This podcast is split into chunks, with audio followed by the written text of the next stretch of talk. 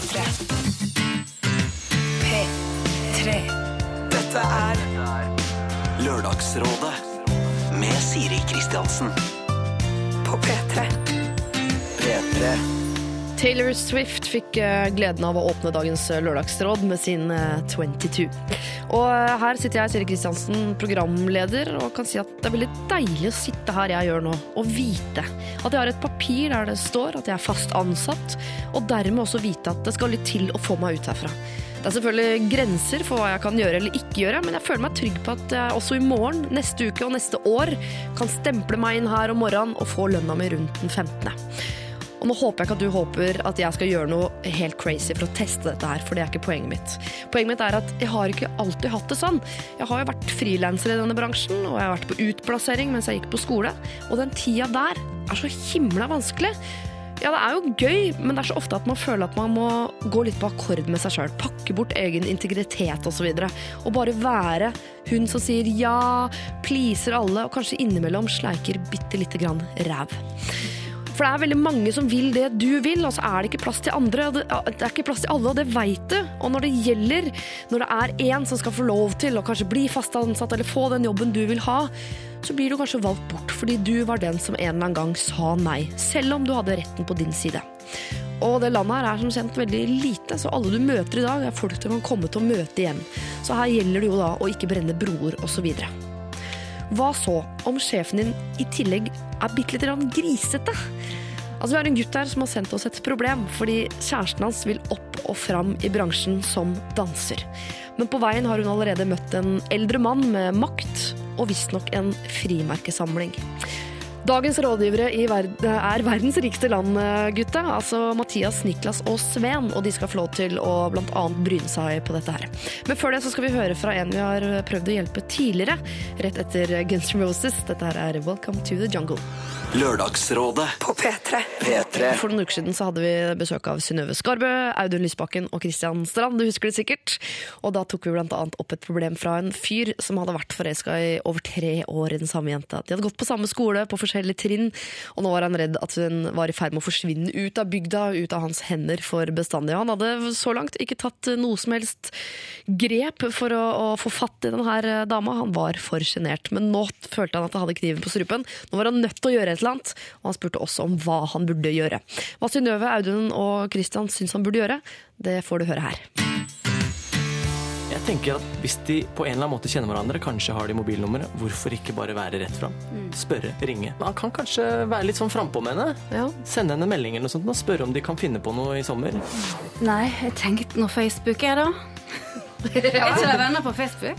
Ja, altså, Facebook er jo faktisk veldig lurt, fordi at det å finne et påskudd til å være på samme sted som hun, det er jo, det er jo alfa og omega. Ja. Eh, sant? Du Han må få, en- eh, få møte henne, og, nei, hun må få møte han og se hvor kul han er. Nettopp.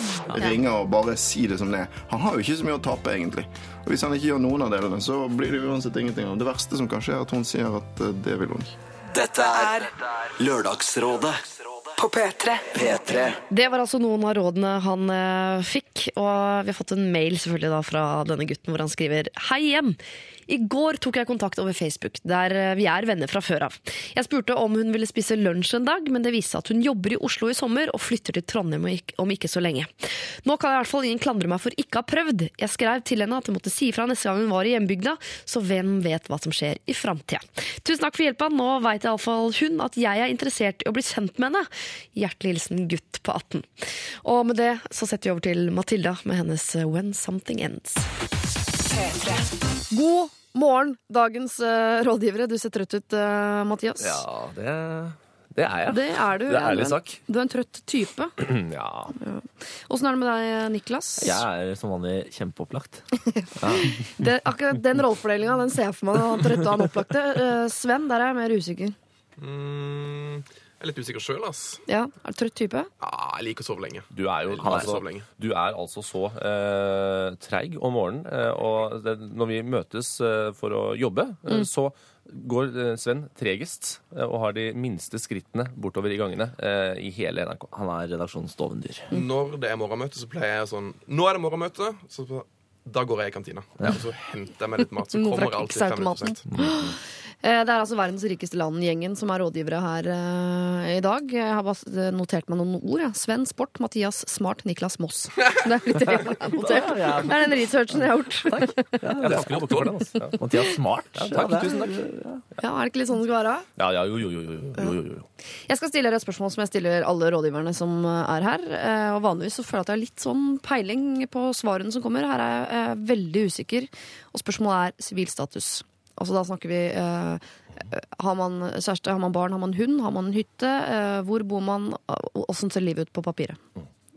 Vil du begynne? Altså du, jeg vet mest om deg sånn sett, Ja. Mathias. Jeg, jeg er forlovet. Jeg Ja. har to barn. Eh, en datter eh, på snart fire, blir fire i oktober. Og så har jeg en gutt på et halvt. Ja. Eh, og så bor jeg i en eh, leilighet eh, sammen med dama og ungene. Og så har vi det veldig fint. Og så har jeg stasjonsvogn. Ja. en Passat som nå er reparert etter å ha blitt bulket av en fyr som, eller en dame som, som kjørte inn og stakk av. Nei. Jo. Måtte Åssen er det da med forsikringa? Er du nedpå ned på noe prosent? og sånn er det greiene? Ja, Det var eh, veldig dumt, men jeg måtte bare bruke forsikringa, for det ble for dyrt å betale cash. Men nå er det glemt, og bilen er fin igjen. Ja. Mm. Ja, så fin som en Passat kan bli, da. Så fin som en Passat kan bli. Ja. Niklas fra Moss. Ja.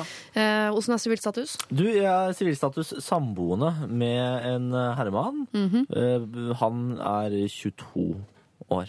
Ja. Måtte jeg tenke meg om, men han er 22 år. Vi har eh, Vi har gullfisk. Nei. Vi har, vi har gullfisk. Hva heter det? Jeg har fått det i løpet av Den ene heter Stig. Eh, Resten har ikke fått navn, men vi har en Stig. Eh, kommer fra Moss, bor nå i Trondheim. Mm. Eh, ja. Hva- Han blei med deg til Trondheim fra Moss? Det er ikke så mye. Jeg eide ingenting. Nei, men han, eh, han, han, han typen, han nei, eier du. Nei, nei, nei, han, eh, Han er flyttet- lokal? Nei, eh, jeg, han flyttet opp for studier Ja. samtidig som vi ble kjent. Vi ble kjent gjennom et radiointervju. Ja. Jeg intervjuet han. Ja. Eh, sånn, han Hvorfor er han kjendis?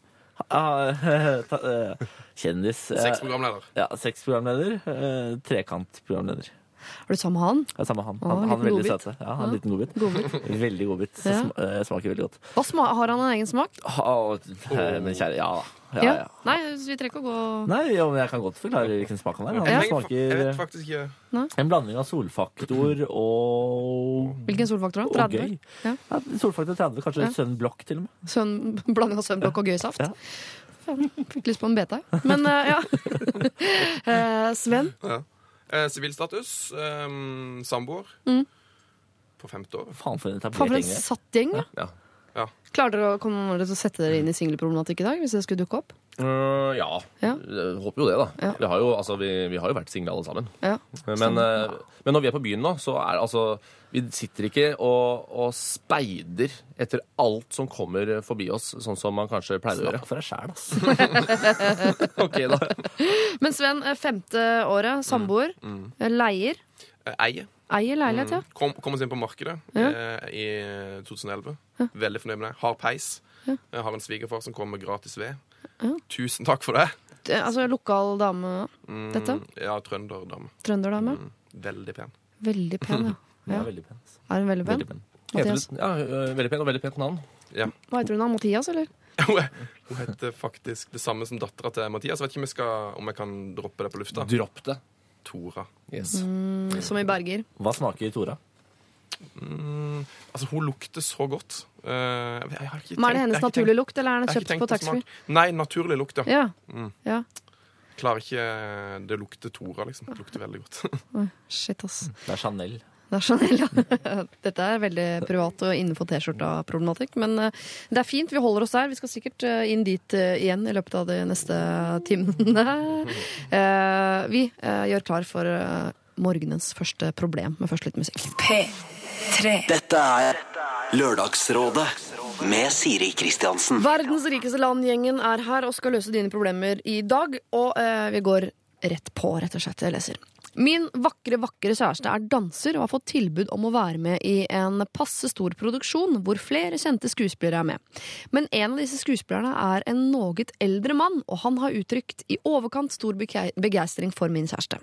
De har jobbet sammen tidligere, og da var det SMS-er til alle døgnets tider. Kommentarer, og han fikk, det, eh, fikk det også til sånn at regissøren eh, gjorde sånn at skuespilleren måtte, måtte kysse min kjæreste under den forrige forestillingen de begge var med i. Han har også invitert henne på hytta for å se på frimerkesamlingen sin. Problemet tilspisses. Jobben medfører at hele castet skal flytte sammen på et lite område langt inn i Hutiheiti et eller annet sted, hvor de skal være noen uker. Jeg merker at jeg blir litt usikker. Ikke usikker på min kjæreste, men usikker på han. Kjæresten min ler av det hele, viser SMS-er til meg, og vi er åpne sammen, men jeg ser allikevel at hun syns det er gøy. Jeg tenker at en eldre mann kan være karismatisk og tiltrekkende, med løfter om en bedre framtid, eller en man manipulativ atferd, og plutselig hadde hun gjort noe dumt. Har dere noen tips til hva jeg skal gjøre? Sende meldinger til han og be han ligge unna, eller vil det bare trigge han enda mer? Skal jeg bare late som om ikke noe, og ligge noen uker uten søvn mens hun er borte? Altså, hva skal jeg gjøre? Alle råd tas mot med takk. Med vennlig hilsen ung gutt i starten av 20-åra.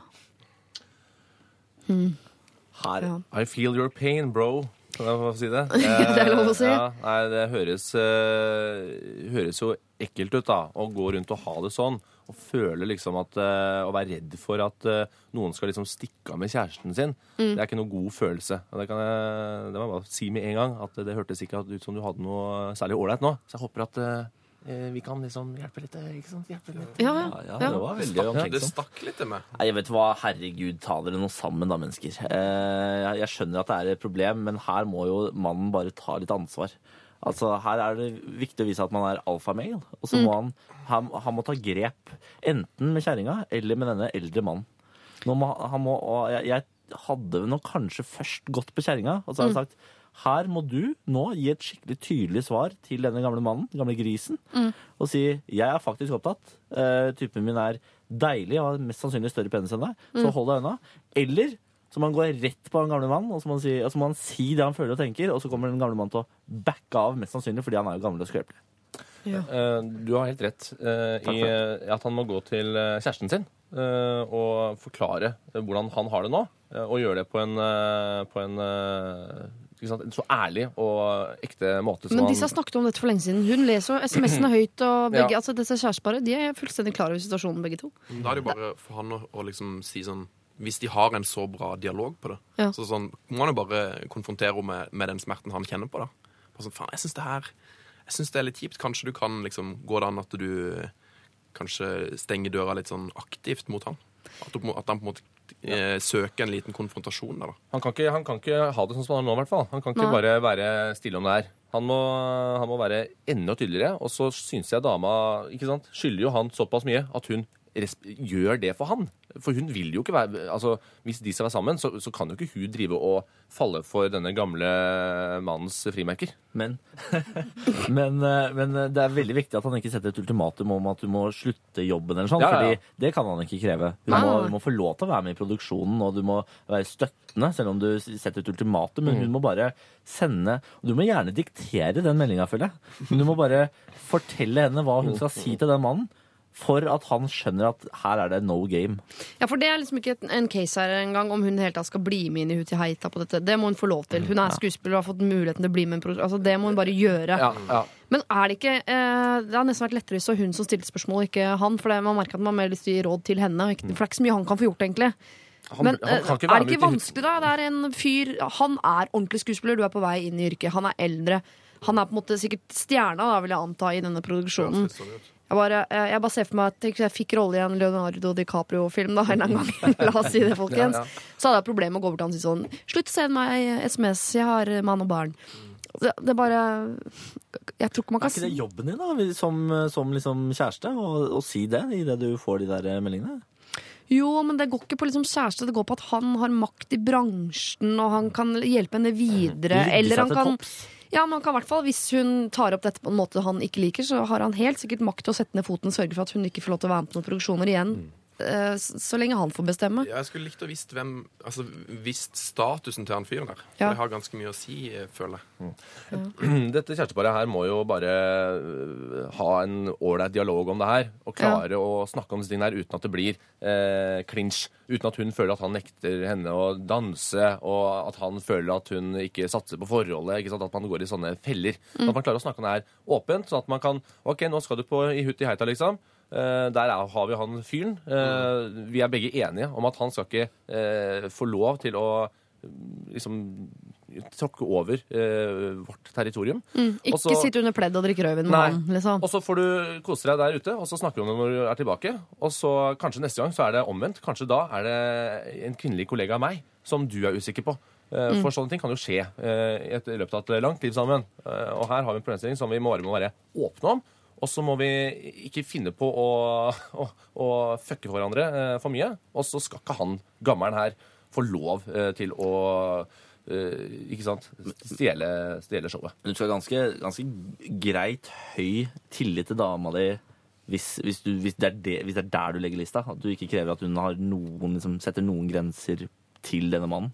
Jeg synes, det må ligge, altså Hun må si ifra på et eller annet vis. ass. Ja. Kan det ikke bare være dialog mellom kjærestene? For det er jo en tredjepart som ikke forstår hvilken dialog som foregår der, som bare kommer til å fortsette å kjøre på toget. Og hvis du er i hytta i tre uker, da, Ja, så men, er det men, noen det, men det er jo muligheter det jeg sier. Dama må jo gjøre det. For såpass Altså, dama må jo, vi- vet jo hva som er rett og galt her. Dere er jo tre gutter, det er ingen som tenker i retning av slåsskamp. Nei. Jeg vet ikke om du har sett eh, nøye på oss, eh, her, Siri, men det er ingen her som har fysikk til å slåss. Nei, det er kanskje ja, sant. Du har en grei høyre, tror jeg. Altså, en grei høyre.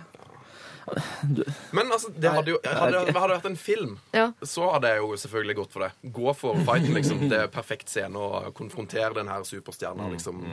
Hei, ikke kødd med dama mi. Og han, jeg tror ikke han har noe frykt der. Jeg tror ikke han kommer til å miste dama si til den her eh, stjerneskuespilleren.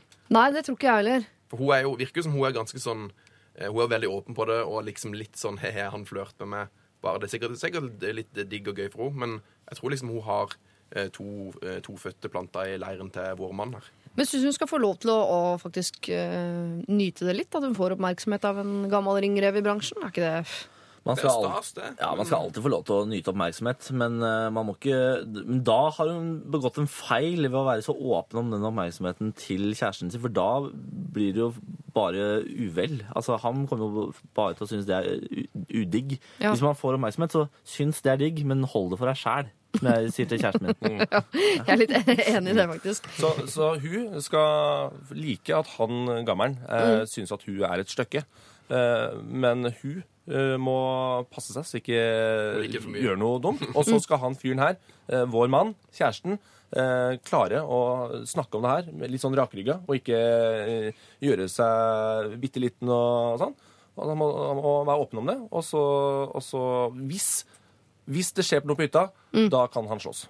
Da kan han slåss. Ja, da kan Med han dama eller han Da typen? skal Da, slåss. da, da, da skal det slåsses. Da skal det slåsses. alle leire. Da skal dama få seg en fikk, og da skal Nei, Jo, men det, det er lov. Det er veldig Det er nøytralt, i hvert fall. Ja, men det, sy- jeg syns han det. Hvis hun er ute og slenger med, med tisseluren, så skal hun få lov til å gi en klaps. Lite smekk på innside lår. Vi jenter må anbefale vold, vi. Kjempemessig. Ja, jeg syns ikke du skal være så ung gutt i starten av 20-åra. Du skal ikke være så usikker heller. For når hun er såpass åpen allerede, så er det veldig sånn, godt grunnlag for at det ikke kommer til å skje noe snusk. Og hvis det skjer noe snusk, så er det ikke noe du kunne ha gjort noe med i, i, i forkant. på en måte. Så jeg tenker at hun drar til ut i heita. Og så kanskje du sover litt dårlig mens hun er i Hutiheita. Det gjør sikkert hun også, for det gjør man ofte når man er i Hutiheita. har jeg hørt. Har ikke vært der.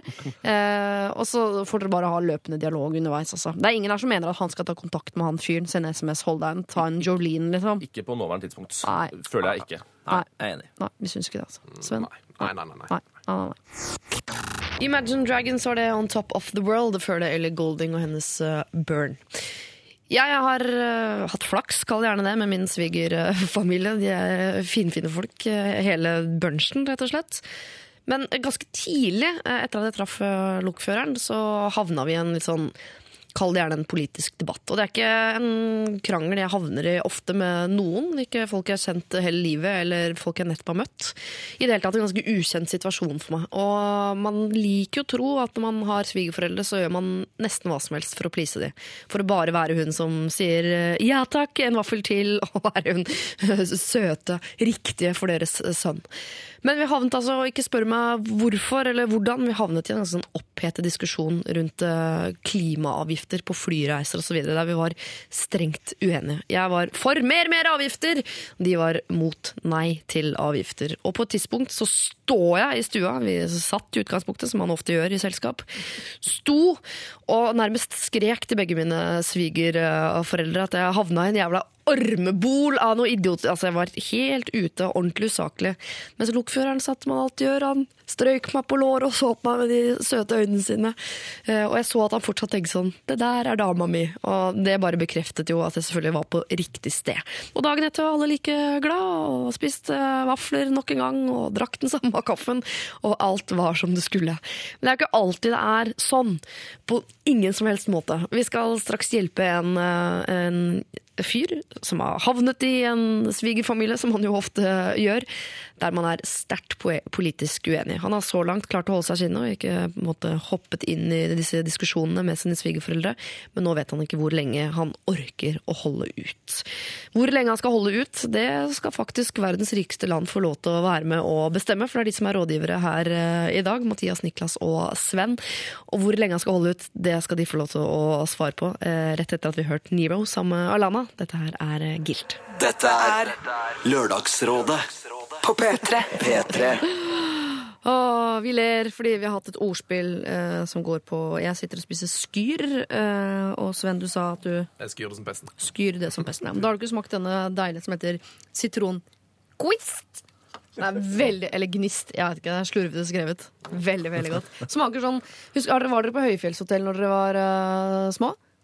Sånn i, i påsken og sånn? Jeg har bare vært på camping hele Ja, mitt liv. ok, bare på camping. I en Mosseregionen nå, eller? Ja, på Jeløya. På Jeløya, ja. Så fint. Eh, Du som hører på, det er verdens rikeste land-gjengen som er her. Og Niklas har selvfølgelig da bare vært på camping. Eh, Mathias, du har vært på høyfjellshotell. Jeg var jo nede på Dombås uh, høyfjellshotell før det brant ned. Ja. Mm. Men der husker vi lunsjen rundt tolv, så ble det alltid satt fram sånn uh, sitronfromasj. Ja, ja, ja, Jeg kjenner konseptet. Det liker man ikke som barn, men den smaken nå som voksen i form av skyr funker som faen. Jeg har for lite sitronsmak i det daglige, merker jeg nå. Ja, ja. Sjelden. Så man har meg en sånn Jeg, jeg sier jo skyr, jeg. Ja. Det er feil. Sier du skyr? Det er jeg, Du, det er Jeg skyr. Du. Det er skyr. Det er, det er skyr, ja. Ja. Det er oppå vedtatt. Det er altså men for lengst. ja, okay, greit. Men men man selv, ikke noe som. Man skyr jo noe som pesten. Ja, men Ja, det men det er er ikke der de har henta Nei, ok. Nei. Så det var ikke basert på hva Sven sa i stad? Nei, At eh, de, yoghurten tok det navnet? Nei, Q-meierier har ikke vært innom Sveen sitt uh, idéklekkeri. de Heldigvis. Heldigvis. Kan vi gå videre? Ja, Hva er syns dere? Du, det, det styrer du. Det styrer. Eh, vi har fått inn et eh, spørsmål her fra engasjerte Nils, som spør. Hei, Nils. Hei! Familien til kjæresten min er fra Vestlandet. De er kjempehyggelige og tar godt imot meg og er imøtekommende på ordentlig. Men to onkler og en tante er aktive i et parti jeg ikke identifiserer meg med, nemlig Frp. Vi har svært ulike meninger.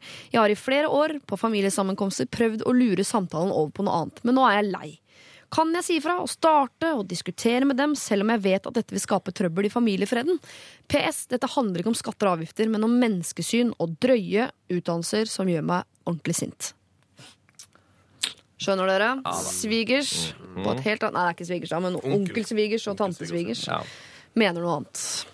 Altså, de er helt ute på Jeg menneskesyn, for å si Jeg har en kompis som har et lignende problem som han har løst veldig bra. Eh, For han eh, har gifta seg med ei dame hvor faren er veldig veldig religiøs. Hm. Eh, Og første gang han møtte han, så sa han bare, når de var ute og kjørte bil, så sa han bare er, er darwinist. Og han var bare åpen på det med en gang. Ja. sa at det der gud-greiene, det tror jeg ingenting på. Nei. Og da sa svigerfar at eh, OK, du er åpen på det. Det funker bra. Og nå er de, de er close. Funker, funker veldig, veldig bra. Og hva snakker de om, da? Fotball eh, Altså, det er vel det de sniker seg litt unna det temaet, da. Ja. Er det løsningen her? At han må fortsette å snike seg unna? Det er det han har gjort i flere år, men nå, nå klikker det for ham. Det går jo ikke. Jeg lurer jo litt sånn på hvor ofte han henger med eh, onkelen og tanta til svigers, da. Eh, for man, må, man må jo liksom eh, Hvis det er på en måte hele tiden, eh, så, så er det jo et problem. Men hvis det er liksom sånn OK, nå skal vi dit igjen, det var et år siden sist, de er sånn Frp-ere, det er ikke jeg. Så er det jo liksom Skal man eh, bruke så lite tilmålt tid på å liksom eh, skape konfrontasjon, da? Er det verdt det? Ja, men samtidig så syns jeg det, er, det høres litt feigt ut å snike seg unna hvis han har så tydelige og klare meninger som han tydeligvis har. Da. Man blir jo ikke opprørt hvis man ikke har meninger mottatt motsatt. Så må han jo vel bare ta fighten, da, syns jeg. Synes jeg- synes jeg. Da får de bruke de familiedagene på det, for det er jo tydeligvis at i hvert fall Frp-erne syns det er interessant. Han sier at han, han kaller seg engasjerte Nils. Og selv om én ting er familiefreden, men hvis han er engasjert, og det er noen som mener noe helt annet enn han, så hvis ikke han tar den fighten, hvem skal gjøre det da? Nei, det er for så vidt et godt poeng. Og, og når man møter holdninger man er uenig i, så, så, så skal man ha lov til å eh, si at vet du hva, det, eh, her er jeg faktisk uenig. Jeg syns ikke de er så ille. Jeg syns de er helt ålreite folk. De er gjerne velkommen eh, for meg, for eksempel. Hvis det er det hvis det, er det, det det er rom det er snakk om her? Jeg har ikke peiling, men det er jo kanskje en av problemstillingene som eh, det tas opp. At det sies sånne ja, litt sånn stigmatiserende ting, og så synes han at eh, det, er litt sånn, at det bikker over til ufint, kanskje. Eh, Og da må det gå an, det må gå an å si fra om det. Definitivt. Jeg syns han skal si fra. Jeg synes han skal si fra høyt og tydelig. Ja. Eh, og så syns jeg Frp-erne skal få lov til å si fra høyt og tydelig. Så tror jeg det der blir en underholdende familiemiddag. Eh, altså, Familiemiddag hvor man snakker om været og sånn, er jo dørgende kjedelig. Så bare kjør opp en ordentlig diskusjon, så blir det der ordentlig krutt. Da. Men hva hadde det vært bensinpriser, sånn, så er det en ting, men når det er menneskesyn, sånn, så kan man fort bli sånn ufin. Jeg, bare, jeg kjenner meg litt igjen, for jeg, ganske tidlig når jeg ble sammen med lokføreren, så var vi i et eller annet familieselskap. For jeg er sammen med den eh, familien hele tiden og har det eh, 99% av tiden jævla koselig, da. Da kom det opp noe sånn eh, miljøavgift på flyreiser, hvor jeg var veldig for, og de var veldig imot, og så ble det en diskusjon. Og jeg merka jeg, jeg ble så sint at jeg på et tidspunkt så sto jeg, men da satt svigermor på den ene siden og svigerfar på den andre siden, mens eh, lokføreren satt og holdt meg på låret, liksom. Og klappa meg på låret og sa dette går fint, for jeg sto og sa sånn Ja, men i hjelpe, så har jeg havna i et Frp-ormebord, for han var en gjeng med idioter. Og da merka jeg, eh, så så jeg ned på kjæresten min som sto sånn og strøyk meg og smilte og tenkte sånn nå er jeg på riktig sted. Jeg kan stå og si til svigers at jeg har et Frp-ormebord, og jeg ble strøket på låret. Men, eh, og det, det gikk kjempemye, og da skjønte jeg etterpå dagen etter. Det var god stemning, vi spiste øh, baklava, og det var, liksom, det var liksom bra. Men det kan jo Du kan Altså Det kunne ha gått feil vei òg. De kunne hata meg at det nå, fire år etterpå, så var det fortsatt litt kleint å komme innom. Og... Da er de dust, ass. Det, altså hvis, eh, hvis du for en gangs skyld bare sier noe sånt, og så bruker de det mot deg i lang, lang lang tid etterpå uten å liksom eh, Da syns jeg det er dårlig, det synes jeg er dårlig gjort. Ja. Eh, det spørsmålet er, her er jo egentlig litt, litt sånn Ønsker han å omvende dem? Eller ønsker han bare å si fra om at eh, han ikke er enig med dem? Åssen var det der igjen? Han har lenge prøvd å lure samtalen over på noe annet, men nå er han Ja. lei. Han vil bare si ifra. Ja, Han, start- han vil ja. diskutere med dem. Ja, rett og det, det, altså, når man har sånn uh, Uansett hvilke holdninger man har, så, uh, så fortjener man vel å få noen som mener noe annet. Men det er greit å bryne seg litt på det man mener av og til. Ja, men han, han, eh, han sier at 'jeg vet dette vil skape uh, trøbbel i familiefreden'. Ja. Og da, da merker jeg at da har de styrt unna. Ja. Da får du bare svelge den. Og hvis det er onklene som du treffer Hvor ofte kan han treffe disse onklene? Kanskje det er maks fire ganger i året? Eller kanskje det er maks seks? Da, Jeg Max jeg maks Nei, fire. jeg hadde latt den ligge. Jeg hadde latt det ligge. Jeg hadde ikke orka liksom den Jeg hadde ikke orka trøbbelet. Her er, eh, Her er vi forskjellige, Her er vi forskjellige. Sven. Fordi jeg har jo ikke tålmodighet til å svelge onkel fire ganger i løpet av et år. Her hadde min tålmodighet tatt slutt veldig fort rundt det middagsbordet. Så hadde jeg sagt det jeg mente, høyt og tydelig. Mm. Og så hadde jeg tatt den fighten. Jeg syns man skal ha mot nok til å ta den fighten. I hvert fall hvis han Jo, men han har jo helt åpenbart sterke meninger, da. Ja. Og da, må, da bør han jo ha, ha baller nok da, til å ta, den, ta det. Ja, for Enten må man gjøre som Sven og folk flest og bare la det ligge og, og skape familiefred, eller så må man slutte å kalle seg for engasjert Ja, Nils. Helt enig. Men Altså- eh, da foreslår jeg Bare at Nils. Bare Nils neste gang. Jeg foreslår at han for sin egen del uh, Mm. sier noe, da. Uh, men ikke ta alt på en gang og bare samle opp masse masse Ikke brygg. vær og bare, sint, liksom. Nei, ikke vær sint og liksom øs ut at du, dere er så dumme på det, dere er så dumme på det, og i hvert fall det, og ikke minst det. Sånn at du bare for og Og kaka smakte dritt! Ja. Ja. Og, og da For, for, da, for da, da gjør den vondt verre, da. Men hvis han, Men- sier sånn, eh, hvis han sier sånn Vet du hva, sist jeg var innom her, eh, så, så snakka dere om det, og så har jeg tenkt litt på det dere sa. Og eh, jeg må bare si at jeg er ikke enig i det, den konklusjonen der. Og her er hvorfor. Og så kan han prøve seg litt fram, begynne litt sånn soft, og så se hvordan samtalen leder, og ikke være liksom eh, sintere enn dem igjen og sintere enn dem igjen, og så er vi i gang. Så, så kjør på, men bare sånn, prøv deg litt fram først. Lite, jeg bare kom på en liten tanke som dukket opp i hodet mitt nå, faktisk. Uh, fordi folk med dårlig menneskesyn er jo ofte folk som ikke har, ikke tenkt tanken helt ut. Det er liksom tenkt å, uh, for en drittfyr, og så har de ikke tenkt noe videre. Hva med heller bare neste gang være litt sånn åpen og nysgjerrig? Sånn, å ja, mener du det? Stille hvorfor helt til det? Fordi vi vil antakeligvis møte veggen ganske fort i hvorfor-diskusjonen. Hvorfor syns du det? Og, ja, syns du ikke? Og heller være litt sånn Ja. At man nesten later som man er helt enig, men prøver sånn å lirke det hele tiden litt og litt mot venstre. liksom. Sånn, ja, Syns du det? Nei, kanskje sånn og sånn. Ja, Har du ikke hørt det og det? At man heller Litt sånn om, er det omvendt psykologi? Er det heter? Ja, litt liksom sånn. Snur på det. Ja. Du, jeg syns i hvert fall det er bedre enn å, å bygge, la det bygge seg opp Ja. og ta det. Det kan fort bli veldig rart. Og, og, så, så ta det. Jeg skjønner at du er irritert. Det kan være provoserende å sitte i en forsamling hvor eh, folk sier helt andre ting enn eh, du sjøl føler. Eh, så, så ta det opp, du. Men eh, gjør det med, med et smil. med kløkt. Ah, bytt, Med kløkt. bytt navn til Nils. Ta vekk det engasjementet. La det ligge. Det har funka på Sørlandet i flere hundre år. Kommer til å funke igjen. Eh, Du får, velge hvilket, eh, du får velge hvilket råd du bruker, Nils, eller engasjerte Nils. Da. Send oss en oppdatering på hvilken vei du valgte å gå, og om det uh, funka. Og jeg syns det er rart at ingen, verken Sven eller Mathias, reagerer når Niklas sier at du ikke orker å svelge unna onkelen din fire ganger i året. Det syns jeg er rart. Jeg tenkte, ta, Jeg det er tenkte rart. tanken, men Ja. så kom jeg på Nå er vi på riksdekkende radio. Det Ja. blir for, eh, altså det blir for typisk min humor til å ta det. Ja. jeg, jeg, det er så mange av dem. Jeg fanger dem ikke lenger. Altså. Så det er, jeg bare lar det henge. Ja. Mm, jeg gidder ikke, ikke, gjøre- ikke gjøre mer enn å slå den vitsen. Og så kan folk ta den hvis de vil. Da skal jeg se om jeg kanskje blir med på den eh, etter hvert. Men foreløpig merker jeg at jeg henger meg litt opp i det. Altså. Det må jeg få lov til. Ja, det er greit. En time til. Dette er Lørdagsrådet På P3. P3. Verdens rikeste land er rådgivere i Lørdagsrådet i dag, sånn på tampen av eh, sommeren. Det er fint å få i gang snakketøy, gutter, fordi dere er jo, jo tilbake fra ferie og skal liksom begynne med radio igjen fra mandag av den dag. Det blir godt for dere Det blir deilig. og folket. Ja, Jeg, jeg, jeg trives Altså, jeg er glad i ferie. Ja. Men eh, i valget mellom ferie og eh, hverdag, eller jobb, så går jeg for jobb. Jeg er en sånn fyr som eh, hadde hatt valget mellom å jobbe et år og ha fri et helt år. Og altså ikke ha eh, gjøre, bruke huet, gjøre nytte for meg. Så hadde jeg valgt rett og slett jobb, altså. Her er faktisk. Nei, nei, nei, nei, nei, er du gal? du klarer ikke å ha ferie.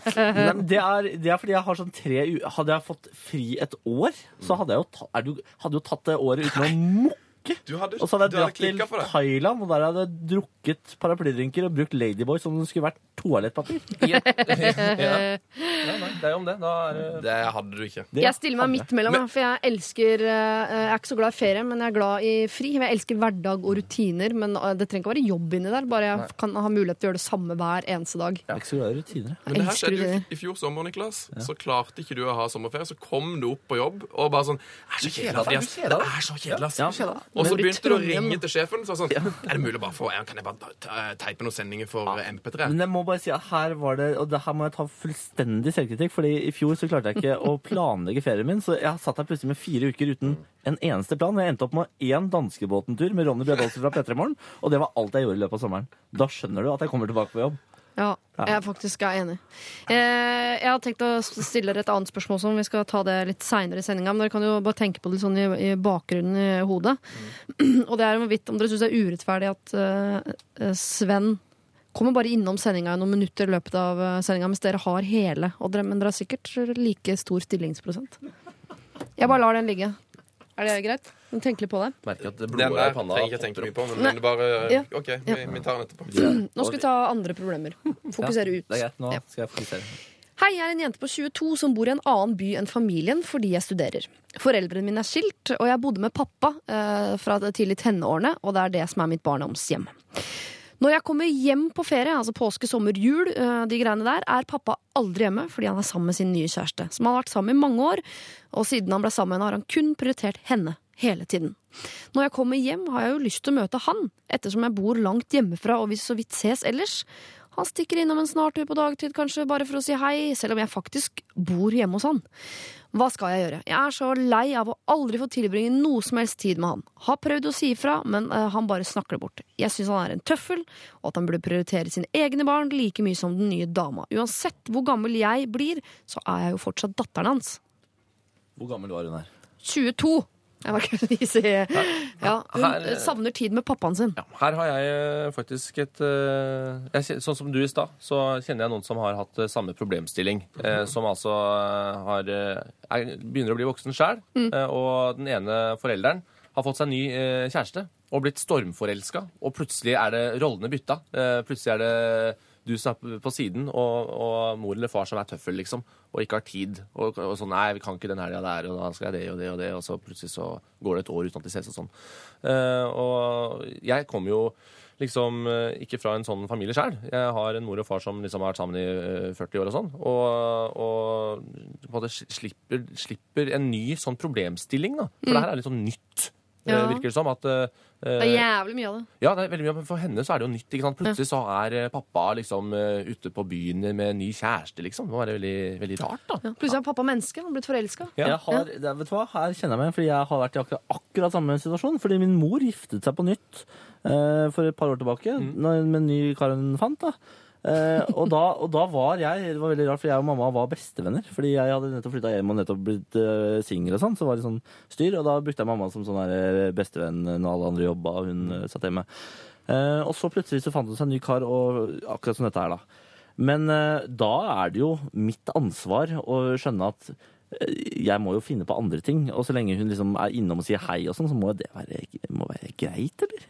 Det er, altså, det, er, det er jo en, sikkert en fase, da, tenker jeg. Altså, hvor lenge har dette pågått? Hvor lenge har uh, faren vært stormforelsket Flere denne? år? Var det, var det? Ja, de har vært sammen noen år, han og, og Ja. dama, så i uh, ni år. er det sånn nytt kull på gang, eller er det litt sånn også? Det står det ikke noe om. Nei. Det får jeg ikke inntrykk av. Nei, ok, så det er ikke, det er ikke der. hun sier jo at eh, ja, hun vil at han skal prioritere henne, altså sine egne barn, like mye som den nye dama, ikke som den nye Ja. barna eller hennes barn eller noe sånt. Når du er 22 år, Ja. så føler jeg vel at da må du hvis, Altså, han prøver da tydeligvis å kutte sånn navlestrengen, føler jeg. Ja. Eh, Da må vel du godta det når du er 22 år, men altså, det spørs jo hvor lite han er. Hvor lite er han egentlig sammen med? Han er innom og sier hei. Innom og sier hei, ja. Ja. Jeg syns man kan eh, kreve litt mer av faren sin uh, enn at man bare skal liksom sippe innom og si hei en gang i året, liksom. Det syns jeg er døvt, da. Men, Burde eh, man ikke som foreldre, hvis uh, datteren eller sønnen din på 22 er sånn 'Jeg har lyst til å tilbringe tid sammen', det er jo ingen som vil det egentlig. Ingen jeg kjenner i hvert fall som har så innmari lyst til å være sammen med foreldrene sine utover det de må, da. Eh, og da tenker jeg, hvis jeg hvis, Når datteren min blir 22, eh, hvis hun sier 'mamma, jeg har lyst til å være mer sammen med deg', hvorfor er det ikke? Så tenker jeg da gjør du det. Vet du hva, Jeg har et forslag til hvordan du skal ordne dette her. Du skaper drama i ditt eget liv som, som bare krever at faren din må være der. Gode gamle rop om hjelp. Ja, Et ordentlig rop om hjelp. Ta, begynn li, Bare verste legg fram Tenker du borrelia, eller tenker du ligge med en fetter, eller hvilke, hvor, hvor Legg er fram en bønne og bare lag litt sånn trøbbel hjemme. I det pappa Mm. Du trenger ikke røyke den. Jeg, anbefal- jeg sier oppfordrer ikke til å røyke hasj på lufta nå. Jeg bare sier legg den frem. eh, Så det ser ut som du begynner å handle litt på skråplanet. Da kommer faren din til å tenke sånn OK, nå er det et rop om hjelp her. Nå må jeg faktisk bruke litt tid med dattera mi. Ta en liten tequila til, liksom, på, til morgenen, til brunsj. Sånn, jeg, skal jeg tror bare jeg skal drikke med drit der. Ass, Bare sånn, Er du bare for dreads, på tenker jeg ja, kanskje, holder. bare, kanskje det holder med dreads. Gjør noe sånt. Rop ulv. Var det sånn at disse her, altså at far og datter var best buds før, liksom? Og hang sammen Nei. hele tiden, og, og nå er liksom eh, døra stengt? Nei, men når foreldrene skilte seg, så valgte hun å bo hos far. Det sier jo sitt. Ikke sant? Mm. Eh, jeg syns at, eh, at far Jeg syns at hun kan si fra. Ja. Eh, og jeg syns egentlig at hun kan si det som eh, hun sier til oss. Eh, ganske sånn, Det er ikke noe, det ligger jo bare kjærlighet Ja, ja. i dette. Ja. Hun vil jo bare ha mer kjærlighet. Men har, har hun aldri prøvd å si fra? at Hun har, prøvd, har jo prøvd, har hun ikke det? Ja, han snakker det bort. Jeg har prøvd å si fra, men han bare snakker det bort. Du veit åssen Men jeg menn tenker- er, vet du. Vi klarer ikke alltid Ikke å høre etter. Da nettopp, lag da noe han ikke klarer å snakke bort. Det er det. Du må bare gjøre det stort nok. Grining, eller? Det er ikke nok, tror jeg. Jeg tror du må mer enn grining. Jeg syns det høres ut fryktelig dårlig Dreads, Veldig dårlig råd. Ha, ha Det er veldig gøy, men det er veldig dårlig råd. Og drikk tequila til frokost. Da kanskje. Ja. Jeg tenker også nemlig fordi eh, det er jo dessverre sånn, og det har jeg ikke skjønt før jeg fikk barn selv, at man som foreldre fortsatt bare er en eller annen Man er jo jeg er fortsatt bare en eller annen dame som tilfeldigvis har fått unger. Det er ikke sånn at jeg er mor, eller ikke har noen skills på det der med å være mor eller noe. Eh, og sånn er det med alle andre foreldre, og det er ingen som kan det. Man bare Plutselig en dag så har man barn, og man er fortsatt mennesker med de samme behovene som før. Og sånn Og i hvert fall da når hun begynner å bli så stor at eh, det eneste som gjør at vi klarer å være foreldre, er jo omsorgsgenet. Og når hun er så stor som 22, så har ikke hun det samme behovet for omsorg lenger. Så da tenker jeg på ja, men da er jeg ute med, jeg er forelska. eh, Så jeg skjønner, jeg kan skjønne pappa godt. Men Ja. da kanskje han skal vekke det omsorgsgenet. Jeg veit ikke om det er dreads eller hvilken hvor vi går, men at hun er nødt til å liksom Han må føle seg trengt. trengt. Igjen må vi huske på at det er ni år som har gått her. Ja. Det er, altså, han er jo ikke nyforelska, han er ikke stormforelska fortsatt. Det begynner å dabbe litt av. Nei, de, de nekter å tro at de ligger i kroken til hverandre hver kveld og forteller hverandre hvor pene de er i solskinnet. Jeg tror eh, at nå det, har det bare gått seg til en rutine hvor han er litt sånn vant til å ikke se dattera si så mye, eh, og føler at nå kan hun stå på egne bein. Eh, jeg har det gøy, og så tenker hun men for faen. eh, Jeg, jeg, jeg sier jo gjentatte ganger at jeg er hypp på å, å ta deg med ut på Peppers Pizza. Ja vel. Han blir med på Peppers Pizza hvis du har dreads, griner og drikker Tequila. Jeg lover deg, da blir pappa med på uh, Peppers. Ikke, ikke ta dreads. Jeg kjøper sånn falsk parykk. Ja, ja, ja. har, har, har, har dere noe bedre løsning? Dere som syns at den er så forferdelig? Nei, jeg syns det er fin løsning. Jeg, vet, jeg tror eh, absolutt hun har sagt fra før, men jeg tror hun skal si det igjen. Spille på det derre 'jeg er lei meg, pappa, jeg har lyst til å, tilbringe mer tid sammen med deg'. Så det er rart at ikke det fungerer. Ja, og hun- Fungerer ikke det, som har gått gå mer drastisk til verks, og da er, da er jeg også i retning av dreads. Ja, og, og du gjør ingenting eh, gærent her. Eh, det er ikke noe Altså, hun, hun gjør jo ikke det. Hun, eh, hun, har- hun, har- hun, har helt, hun er i sin fulle rett til å ønske litt mer eh, samvær med faren sin, og så får vi håpe at eh, han skjønner det. Hun er 22 Ja, ja. Men- ja. Vi skal være på lag med deg, men du er 22. Hurra for deg. Du mener at hun ikke skal ha så Nei, jeg god far som i faren? jeg- jeg synes Kanskje det han er helt litt. utrolig kul, da. Jeg syns hun skal roe seg litt ned. Liksom. Jeg- Du kan ikke det kan ikke være sånn at når du er 22, så har du et sånt kjempebehov for å være med foreldrene dine. Da skal det være maks søndagsmiddag. Da, da skal du være litt sånn sliten når du drar hjem. Om du kommer hjem til jul og i påske, og da skal du ikke noe annet enn å ligge på sofaen hjemme uh, i det barndomshjemmet ditt, spise marsipan og henge med foreldrene dine. Men foreldrene dine er ikke der. Så du ligger på den sofaen med marsipanen, men det er ikke noe folk rundt. Jeg skjønner jo behovet for at far skal komme hjem en tur da. Ja, men, da hun, men hvorfor drar ikke hun til far, da?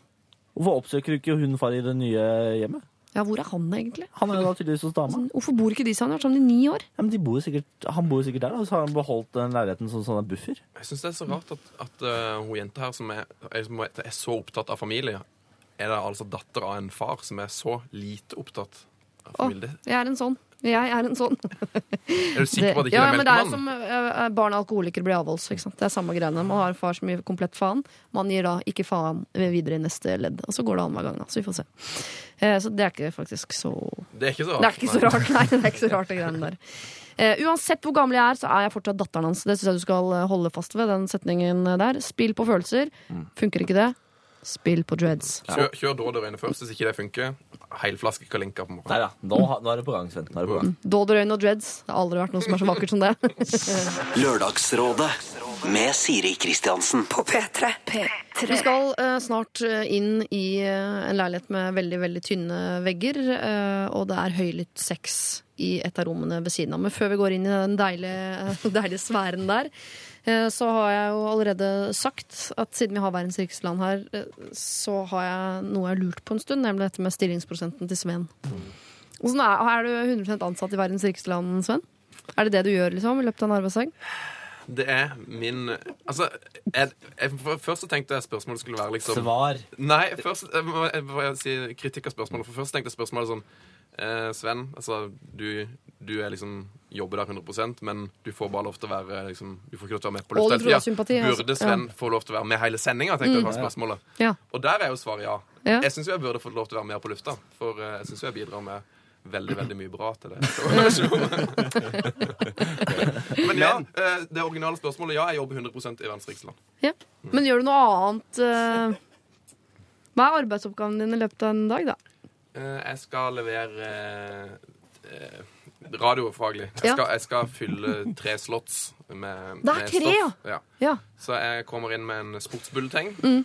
ca. kvart over fire, for dere som hører på programmet vårt, som går hver dag fra tre til, til fem på mandag-torsdag. Ja. Uh, Så jeg er inne kvart over fire, sportsbulleteng. Og så er det to, eh, to slots etter det som jeg kan fylle med litt sånn hva jeg vil, men det skal være noe sportsrelatert. Ja. Så da lager jeg ofte en reportasje, eller Mhm. et litt morsomt intervju, eller kanskje en liten quiz.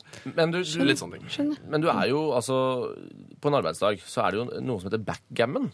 Som du også har lagt inn i din eh, stilling, tror jeg. Eh, på et eller annet vis så har eh, det å spille backgammon eh, en liten eh, for er er det, Kan du fortelle litt om hvordan det ble en del av din stilling? Mm, Det er, altså, Det er sport, da. Ja, det er sport. Det er, det, men det er litt sånn det er, min, eh, det, er, det er faktisk der jeg får gjort mest, når jeg sitter og spiller backgammon. For da klarer jeg å tenke i det, så spiller jeg backgammon i ti minutter, så bare sånn ah! Sånn, ja. Jeg ringer, og så gjør jeg sånn. Så ringer jeg etter han, og så, får jeg, så blir det saken. I stad Så det, det er der mye av min tankeaktivitet skjer. i stad var et av spørsmålene dine om, eh, om vi syns det var greit. Ja. Eh, Hvordan hva vi tenker om det. Ja. Eh, Og jeg sier ikke at jeg ikke liker Sven, eh, eller at jeg, jeg hater ikke Sven. Eh, Jeg syns, syns ikke Sven er en dårlig fyr.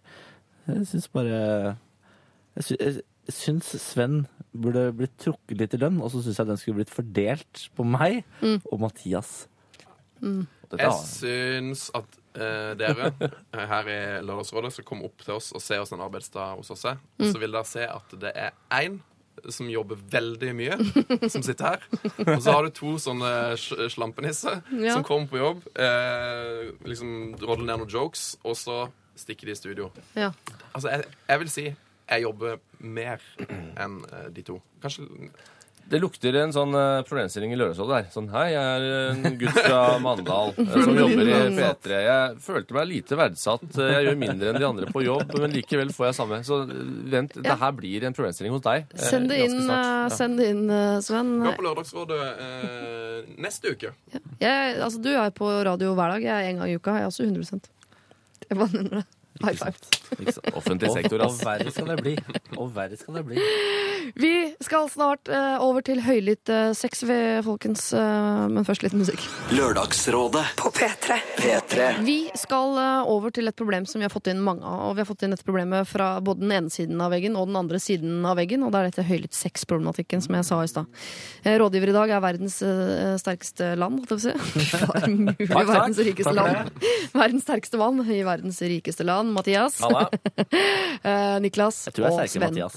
bare hadde sagt. Er du sterkest? Ja, jeg er ganske sikker på at jeg er sterkere enn Mathias. Ja. Ja, jeg vet ikke, jeg har fekta mot deg, og du trakk deg så jævlig. Det er så feil. Fekting går ikke på styrke, ass. styrkast, det går på nerdness. Ja, Vi får ta håndbak. Det er den eneste offisielle valuta for sterkhet. En gang. Jeg har et problem. Eller det er mer et eh, forstyrrende moment. Det har seg slik at jeg bor i en gammel bygning med veldig tynne vegger, og naboene mine har veldig høylytt sex. De har tydeligvis soverommet sitt på stua, og de har sex veldig mye. Stua mi er vegg i vegg, og noen ganger sitter jeg bare og venter på at hun høylytte dama skal komme gjennom veggen. Altså, ja. Problemet mitt er at jeg nesten ikke tør å ha venner på besøk i helgene, siden det som regel er da dette pågår. Fordi jeg er redd de skal begynne, uh, at de skal begynne, og veggene skal begynne å riste, og besøket mitt skal få varige men. Skal jeg si noe til dem? De snakker dårlig engelsk, så det kan bli en rar samtale. Eller eh, skal jeg følge Siri, altså mitt eh, sitt eh, vanlige råd i disse situasjonene? Flytt. Takk på forhånd. Er det, råd, er- det det rådet du pleier å gi? Flytt? Flytt. Men da er det ofte sånn hasjrelatert. Naboen rykker hasj, så sier jeg ofte flytt. Men jeg er nysgjerrig på Dette er et, et problem som går og går og går. og går og går. Jeg er nysgjerrig på hva dere mener er løsningen. Bodde en gang eh, Jeg kan relatere. Bodde en gang i eh, kollektiv i gamlebyen. Mm. Og han over, eller hun over, hadde altså en seng eh, som var så Og den knirka altså så infernalt. Sånn stålramme, tydeligvis. Og lyden av den som gikk fram og tilbake, bare eh, Sånn tegneserielyd av sex, Ja, liksom. og det ble som en sånn forsterker i rommet mitt. Hele rommet bare knirka herfra og til Haglemoen eh, hver natt. Veldig slitsomt. Utrolig provoserende. Ja, det var, altså, det, ja, det var eh, et styr. driv, Jeg måtte drikke meg full hver kveld, eh, sånn at jeg slokna og ikke hørte det. Alkoholiker heter det. Ja, Det er også en løsning. Flytt. Eller, ja, men eh, så jeg, Nei, jeg, jeg vet ikke, altså, jeg, jeg, har aldri, jeg har aldri bodd et sted hvor dette har vært et problem. Jeg har aldri hørt noen ha sex før, uten at jeg liksom har oppsøkt porno. Uh, så jeg kan ikke helt relatere meg til det. Men jeg, i, mitt, i min verden da, så tenker jeg sånn Er det ikke litt koselig? Jeg synes jo Kan du ikke, kan du ikke bruke det som naturlig porno, på en måte? Er, er det er det, all- er det ikke opphissende i det hele tatt? Nå vet vi ikke hvordan disse naboene ser ut, annet enn at de snakker dårlig engelsk. Det er det eneste vi vet om dem. Nei, Jeg tror kanskje jeg har en ganske stor sånn kikkermentalitet. Jeg. jeg tror jeg hadde likt det. ja, men det, det gjør jo ikke denne personen. Nei, Eh, Vi kan sende inn en melding, skal vi fikse nummeret til Bård. Skal dere bytte leilighet? Eh, Så ordner det altså, for Niklas er gira på det her. Nei, men jeg, jeg vet jo at det går an å kjøpe seg dempeplater. Eh, du kan prøve å sette opp på vegga. De ser ikke så gærne ut. Er det sånn som ser ut som eggkartonger? Nei, du, det det har kommet ganske mange fine eh, dempeplater. Du ser jo veggene her for eksempel, er jo fulle av dempeplater. Er det dempeplater? Ja, Men det er bak liksom det stoffet. Ja. Så det kan jo gå, er jo en mulighet, da. Er det, Det er sånn myke vegger. Sånn, eh, hvis du er gæren, så er dette her bra. For da slipper du å gå med hjelm hjemme. ser ut som sånn isolat hjemme hos deg, liksom. Du får sånn eh, genser som er bundet fast og kan sitte og kose deg. Du, jeg har lyst til å slå et slag for anonymt eh, brev, Ja. Eh, Sånn anonym nabovarsel. Du må ikke oute at det er deg, eh, for det, det kan jo være at det bor flere her, og det kan være greit å gjemme seg bak en liten folkemasse iblant. Ja. Eh, altså, Vi er en gjeng som er en- drittlei. Vi er en gjeng som er eh, ganske lei av eh, at dere har dere så høyt. Det er, som alle andre høye lyder, så er det her en høy lyd som, som invaderer Men hvis man bedriver høylytt sex, så er det jo fordi altså, Da er det jo Jeg vil påstå at det er et instinkt. Det er ikke sånn det, Når man ligger av sex, så er det ikke sånn at man tar det opp til vurdering sånn Hvilket volum skal jeg legge meg på i dag? Jeg velger typen høyt. Nei, men- altså, jeg tror ikke man kan liksom skru ja, Da begynner jeg med ja, lavmålt men sex. Hva om de har sex i et annet rom, da? Altså, kan det ikke være sånn, Hvis dere vil ha så høy sex, kan ikke dere bare gjøre det i det rommet der istedenfor? For der er det ingen som bor rundt. Det kan Ja, men man da kan- frisinna, ikke sant? ja, ja, nei, Kanskje de bare ja. har de misjonær i senga. Men vet du hva jeg foreslår? I tillegg til det brevet der, hvis det ikke fungerer, så foreslår jeg å, å gi de, altså legge i postkassa deres, en gagball. Det er, ja, det er sånn Det er en veldig, ty en veldig tydelig beskjed, som Ja. også er effektiv. Og da slipper de å gjøre det flaue og dra ut og kjøpe seg sin egen gagball. Men vil man automatisk skjønne hva en gagball er hvis du får den i posten? For jeg hadde tenkt oi, tennisball, eller um... Leke til hunden. Ja. Ja, da, da skriv en lapp, da. That, This is a gagball. Ja. Uh, because you have so loud sex. Jeg er ikke så god i engelsk, men noe sånt noe. Noe sånt noe. Ja, men jeg tror, altså Hvis de skriver hvis, eh, han, eh, hvis det skrives et brev eh, til naboene, legges i eh, postkassa, så vil jo de som leser den da si sånn Oi, herregud, de, nå blir vi hørt på her. Vi vet ikke helt hvem. Kanskje det er de under, kanskje det er de ved siden av. vi vet ikke helt. Eh, Så vil jo de i hvert fall tenke det. Eh, Og da har man jo sådd et frø, da. Ja, du tenker at de skal bli så flaue at de neste gang tenker seg litt bedre om? Eller tror vi at disse her, når vi først har høylytt sex i en gammel bygård, så er det fordi man liker det litt? Mm, Det også, jeg liker det her eh, brevet. Det tror jeg kan funke. Men hvis, si at det står jo bare at det er en gammel bygning. står det ikke det? Jo. Tenk hvis, det er bare, hvis du bare har én nabo. Da er det flytting, altså. Hvis Da- du bare har én ja. nabo, da, da nytter ikke det anonyme brevet. For da er det sånn Da vet du hvem som har Noen i nabolaget Nei. Men eh, altså, man har jo lov til å gjøre hva man vil inni sin egen leilighet. Bortsett fra selvfølgelig noen ting som ikke er lov, da. Men å ha høylytt sex i egen leilighet, det er lov. Ja, men det, er jo, det er jo støynivået her. Det er jo det som er greia. Eh, Og da er jo sex eller matlaging eller musikk eller bjeffing eller hva som helst. Det her er jo ikke snakk om hva aktiviteten er. Samme for meg om aktiviteten er sex eller musikk. Men det er jo ikke sånn at det, ja, fordi det er sex, så er lyden akseptabel. Eh, Den Det er er jo plagsomt likevel. er jeg tror, det er plagsomt. så, jeg tror det er mer aktiviteten enn volumet. Det er bare det at man hører aktiviteten som er plagsom. For jeg tror ikke man, det går ikke an å ha så høylytt sex at, på en måte, Nei, men da, at det er tinnitus. Nei, men da er, eh, ja, Farlig. Nei, men det er jo grenser Altså Hvis det ikke er spesielt høyt, Mm. så er det jo grenser for hva man liksom eh, sånn, vidt- Hvis du er helt stille og så hører at du har sex, Mm. da kan du ikke klage. Men det må jo være Det må være plag... Altså, det må det være er, jo, liksom det er jo høyt, fordi hun tør jo ikke ha med seg besøk hjem. eh, Fordi det er så høyt at de eh, skal få være med en. Men her er jo et problem. Hvis hun bor i borettslag, for eksempel, så er det jo sånn at du kan ha så mye støy du bare orker og vil, fram til klokka er 11. Men etter 11, da er det lov med naboklager og varsler, og så til slutt utkastelse.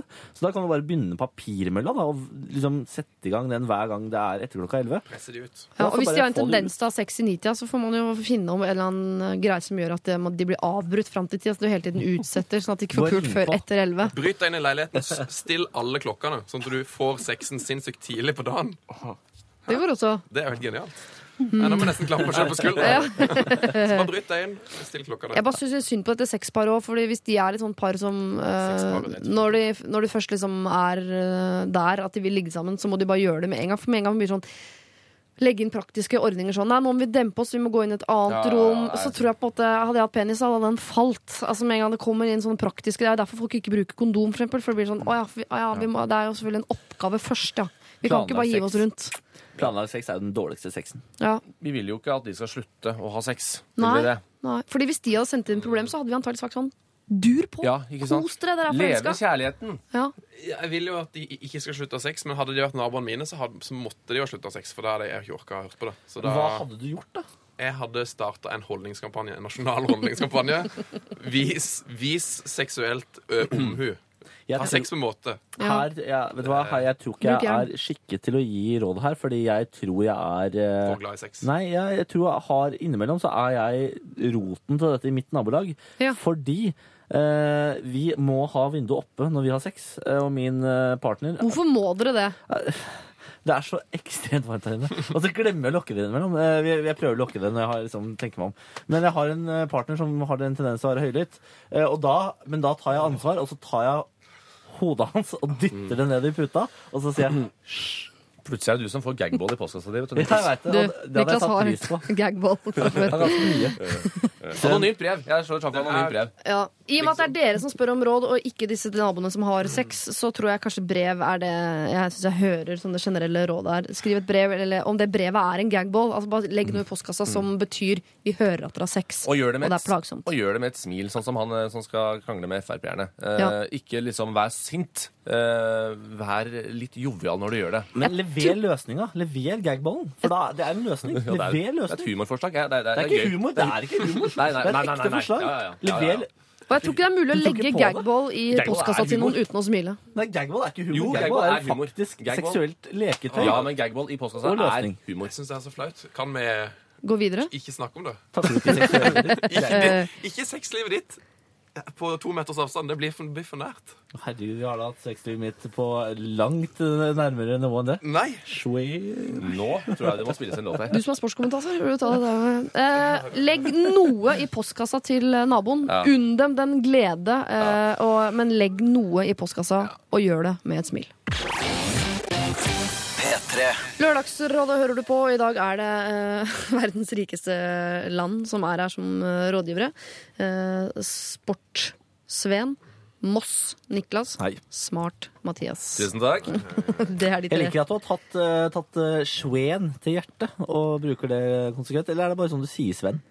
Eh, nei, jeg, men jeg ler hver gang jeg hører veldig mye på, på dere i bil. Og når dere sier Sveen, så blir jeg veldig veldig godt humør. Så jeg, bare, jeg har bare lyst til å være med på Ja, moroa. Jeg, jeg jeg føler meg litt nerd òg. Så folk som du skjønner at de har sett eller hørt mye på et program og så har de begynt å bruke sjargongen, men de er jo ikke med i gjengen i det hele tatt. Litt sånn føler jeg meg når jeg sier Sveen. Ja, Men jeg, jeg, jeg, føler ikke du, jeg føler ikke du hopper ordentlig ut i det nå. Du er liksom, du er liksom litt Jeg orker ikke å trekke på det. Kom jo, jo, du, skal jeg bli med nå, Siri? Ja. Nei,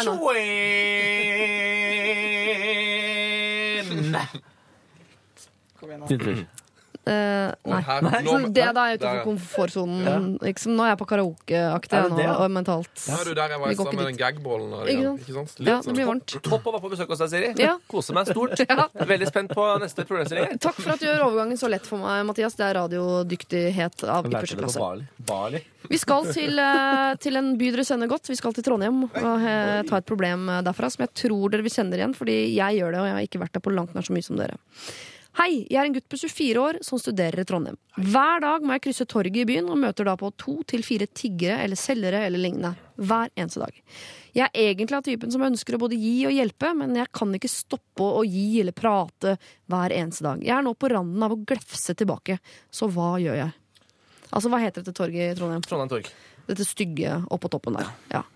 Der er du helt ekstremt med, Det er noen som er i Amnesty og skal få deg til å bli medlem. Noen vil selge deg regnskog, og noen vil bare ha penger i en kopp. Det er mye av det.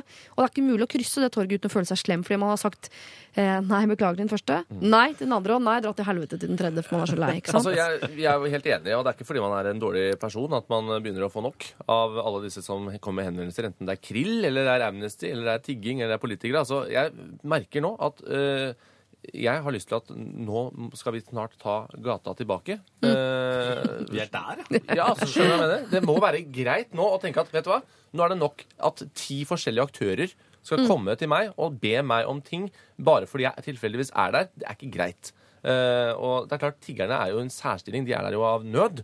Eh, og det gjør jo problemstillingen kanskje litt annerledes for akkurat de. Men de er ikke de eneste. Og jeg kjenner Trondheim Torg ganske godt. Eh, og vel så ofte er det andre aktører. Og ja, altså, det er, det er spam. Ja, det er spam. fysisk spam. Ja. Og på maskinen kan man uh, jo klikke det vekk. Ja. På telefonen så kan man jo avhuke seg til, til det der Brønnøysund-registeret. Ja. Men på Torvet så kan man ikke annet enn å bli satt i en situasjon som vår venn her, hvor man føler at man må glefse tilbake for å få det til å slutte. Jeg kan, jeg kan i hvert fall si hva som ikke funker. Ja. Eh, som er, og det her er mange år siden. Jeg angrer fortsatt på at jeg gjorde det. Men eh, det var noen som spurte meg eh, jeg, Her jeg gikk gjennom Thomas Angels gate, som er jo et eh, problemområde i Trondheim. Står Ja. masse folk med sånne der eh, blokker hvor man skal enten abonnere på Aftenposten eller, Kjøpe krill. ja, eller Ja. svare på noen spørreundersøkelser. Da var det ei jente som var veldig søt og spurte meg om jeg ville, om jeg ville støtte Redd Barna. Og da sa jeg nei, jeg er Redd Barna. Og det, det funka ikke. Det funka veldig dårlig, så ikke gjør det. Humor, da. Tilbake, Ja. for jeg også er gira på det innimellom. Men det, det har, som dere merker, det har jeg fortsatt skyldfølelse for. Så hvis du der ute eh, som sto der og jobba for Redd Barna for fem år siden og fikk den der 'Nei, jeg er Redd Barna' av han, han fyren på det er morsom, beklager. Beklager det. spørs, spør, spørsmål til salen. Pleier Ja. noen av dere andre å, å si eh, at man har gjort ting man ikke har gjort? Sånn, jeg, Du er eh, medlem jeg, Ja, ja, ja, av eh, ikke sant? Du, jeg, har kjøpt, jeg har det fra før, jeg. jeg liker også så har du ikke det, liksom. Men du har kjøpt det en gang, sant? og så bruker du det gjerne sånn fire-fem nummer. Ja. Uh, før du kanskje finner andre. Men sånn, ja, du, jeg har det, jeg. Jeg har kjøpt det like Oslo, jeg. Så lever du på den et år. Jeg syns vi, jeg synes vi er for pinglete. Jeg kjøper aldri noe. Jeg melder meg aldri opp til noe. Jeg skal, bidrar ikke til Redd Barna, Amnesty, Ja, men- ingenting av dette. Og jeg svarer ikke, jeg ser ikke på det. Jeg føler Jeg, jeg gidder ikke forholde meg til det. De eksisterer ikke i min verden. Bridge, De, og om de så skulle stå i veien for meg, så skal jeg gå det Amnesty-mennesket rett ned. De har ingen rett til å be eller henvende seg til meg på noe som helst plan. Dra til helvete kollektivt, hele gjengen. Og det er gjerne på lavprisbillett. Drittfolk. Du, Du er et grusomt menneske, men det er jo Takk. dit man føler Ja. at man må gå innimellom. Men man vil jo, man vil jo ikke dit, da. ikke sant? Jeg, jeg, jeg er jo enig med Som jeg sa, jeg vil eh, gjerne ha gata mi tilbake igjen. eh, for jeg syns det er for mye fysisk spam. Jeg vil ha adblock. Eh, og jeg er enig med deg, men jeg er jo ikke enig i at liksom, Amnesty er drittfolk. Eh, jeg De bare- som står på gata, jeg, folk Jeg sier at Amnesty som en organisasjon er en topporganisasjon. Men de som er de, de stakkars ja. menneskene som står Men- på Greit, greit, Det virker jo litt mot sin hensikt òg, for det er litt som uh, hvis jeg går inn på Jeg husker i gamle dager jeg gikk inn på uh, Var det Pop-In, en sånn klesbutikk hvor de hadde vært på kurs i mersalg. Så idet du kom inn døra, så var det sånn Jeg har en nydelig bluse som ser helt! Nydelig! Altså, og da går jeg ut igjen. Ja, ja, Altså, I Tyrkia for eksempel, vil jeg aldri ha kjøpt noe, for jeg klikker hvis noen skal selge meg noe. Eh, og sånn er det med Amnesty. Altså, fin organisasjon. Hvis noen kommer bort til meg og sier sånn, vil du støtte? Nei. Nei. Fordi da har jeg gått i nei-lås med en gang. Selv om jeg vel egentlig sånn mentalt sett gjerne skulle støttet Amnesty. Det er bare idet du uh, stopper meg på gata, så går jeg inn i nei-modus. Hvis jeg hadde hatt lyst til å støtte Amnesty, så hadde jeg gått inn på amnesty.no så hadde jeg funnet den informasjonen jeg trenger der. Hvis jeg hadde hatt lyst til det. Jeg har ikke lyst til det. Går ikke inn der. Og da, da vil jeg heller ikke blitt påtvunget den informasjonen på gata. Så burde jo, her burde det eh, legges eh, frem en lov, og her burde regjeringa ordne noe. Og hvis ikke Jens kan gjøre det, nei vel, så er jeg villig til å stemme da er jeg villig til å stemme Bjørnar Moxnes fram som statsminister, om så nødvendig. For du tror det er partiet eh, Rødt som kommer til å føre, innføre den regelen der. Det er så mye jeg vet om politikk. Men hva med Jeg ser for meg at hvis det er eh, sånn som på dette torvet i, i Trondheim, da, hvor det er veldig mye av det At de har vært utstyrt på noen små flagg. Sånn at hvis én har eh, sagt sånn Hei, vil du kjøpe krill? Så sier du nei, kan jeg få et flagg? Og så får du da et blått flagg av denne krillselgeren, sånn at alle de andre selgerne ser åh, allerede fått en henvendelse i dag. Du får fri passasje. Skjønner du hva jeg mener? I, fram, i framtida så vil, er håper vel det komme noen slags små sensorer eller noe som er i telefonen vår. Hvor Ja. man på en måte kan sant, At da merker selgeren sånn Å ja, nei, han der han er, med, han er registrert hos oss. Oh. Tenk så del det vil bli. Men det, dette fordrer jo at man faktisk Det skal jeg finne opp, faktisk. skal man ja. godta den ene henvendelsen. Jeg har ikke lyst på en eneste henvendelse. Kan, ja, kan man ikke kunne gå på gata uten å få én henvendelse? Men for, for å ta, eh, ta Gutt 24, da, han går forbi her hver eneste dag. Jeg tenker, Han må jo på en eller annen måte gjøre seg litt- bemerket, sånn at i dagen etterpå ja. Han spør vi ikke, han spurte vi i går. Her tror jeg vi snakker dreads og gagball og full pakke. Altså, se Altså, du skal ha Se skummel ja, ha deg en sånn kostymesekk. Ja. Og så når du har kommet bort til torget der, så tar du på den derre spinnville og- frakken uh, som skremmer bort uh, selgerne. Og så går du gjennom torget og ser ut som en klovn. Og så uh, kler du av deg, og så fortsetter du på vei til skolen. Mye bedre, mye bedre eh, måte å kle seg ut på. Kle deg ut som selger. da. Få, skaff deg en sånn Amnesty-perm og en sånn eh, caps, og så går du nedover og later som du selger ting. Selg din egen greie. Idar. Vollvik, her er det et marked til deg. Skaff fake Amnesty-blokker og eh, capser og selg det til folk. Eventuelt en T-skjorte hvor det står 'Ikke selg meg krillen din, din drittsekk'. Den hadde jeg kjøpt. Gutt 24, du ser for sympatisk ut. Du blir for lett stoppa. Du må bare gjøre noen enkle grep. Man ser sikkert ut som en hippie. Det er jo de, det er de som blir stoppa. Det er de som bidrar til det der dritten her. Det er de som gjør at det går rundt. Hadde ingen bidratt, ikke sant, så hadde det stoppa. Så Ikke Dread med. Kanskje sånn liten sånn mobil som man har i øret, bare. Sånn uh, airplug. Jørn han er jo tydeligvis et uh, lett bytte her. Han må gjøre noe sånn at han eh, blir litt eh, mindre attraktiv. Eh, kanskje utseende, kanskje utstråling. Eh, don't let them get to you. Eh, dette her kommer til å gå bra. Liten beklagelse til på vegne av Krillen, bare. Vi har syntes vært litt slemme mot Krillen. Det er ikke noe gærent i Krill, det er krillselgerne som er problemet. Det er mye gærent i Krill, ass. Jeg vet ikke hva Krill er. Det er harskt, visstnok. Krill? Er det ikke det er litt krepsedyr? Litt Men jeg, jeg, som jeg er forkjemper av eh, bardehval, for eksempel, som lever av krill, så syns jeg det, vi skal la krillen være der. Er det ikke krill olje det er snakk om? Jo, jo, men du må drepe krill for å få ut olje. Du sitter ikke med pinsett og du sitter ikke og sutter ut olje av en krill og lar den svømme videre. Nei, nei. Takk for at du oppklarte det. det Hadde du stanset litt oftere ved Krillserien, så hadde du visst dette. Ja, det er grunnen til at jeg ikke gjør det. Lørdagsrådet På P3. P3 Du hører på Lørdagsrådet, og vi sitter fire personer her som jeg tror Det er vel ingen av oss som er i den nyforelska fasen av forholdene våre lenger. Du hadde vært samboer i fem år, Sven, Mm, yes. så du er ikke nyforelska. Fortsatt nyforelska. Nei. Fortsatt nyforelska. Er du det? Kan ikke si noe annet, vel. Kan ikke si noe annet, vel.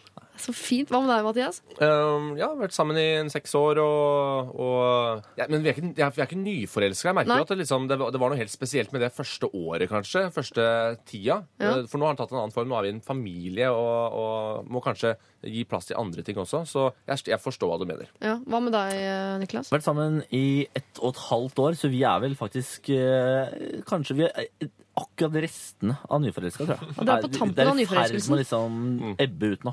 Ja, merker men- jeg at nå begynner det å flate ut. Men går, Er det på vei over i, i en, den, den dypere kjærligheten, eller er det på vei ut i at Nå er, jeg må er videre? Nå er vi, nei, nei, vi er i ferd med å komme inn i sånn rutinekjærlighet nå. Ah. Nå vet du, nå begynner vi å kjenne hverandre litt, og nå er det ikke, alt er ikke så skummelt, men alt er heller ikke så spennende. Nei, ikke sant? Ja, det er en fin eh, fase. Det er en fin fase. Vi skal gi råd til en som er forelska i to personer. Det har vi vel alle vært en eller annen gang, men forhåpentligvis ikke akkurat nå. Hei, jeg er forelska i to personer. Han ene er fire år yngre enn meg, han andre er to år eldre. Jeg er 26. Begge to er helt fantastiske, og jeg klarer ikke å gi slipp på noen av dem. Han eldste har vært litt nesten-kjæreste med tidligere, og jeg veit hvordan eh, vi blir å få det. Trygt, godt, morsomt, spennende. Han er helt perfekt og kommer til å bli en flott kjæreste, mann og far, ja, alt. Han forguder meg over alt på jord, og jeg veit at han gjør alt for meg. Likevel er det han andre. Jeg er veldig tiltrukket av han. Han utfordrer meg, og vi har det så gøy sammen. Jeg er mye med han og vennene hans og føler at det ikke blir så kjæresteaktig absolutt hele tiden, og det liker jeg. Jeg vet ikke om jeg er helt klar for alt det andre ennå, selv om jeg gjerne vil det og er redd at jeg skal velge feil og angre.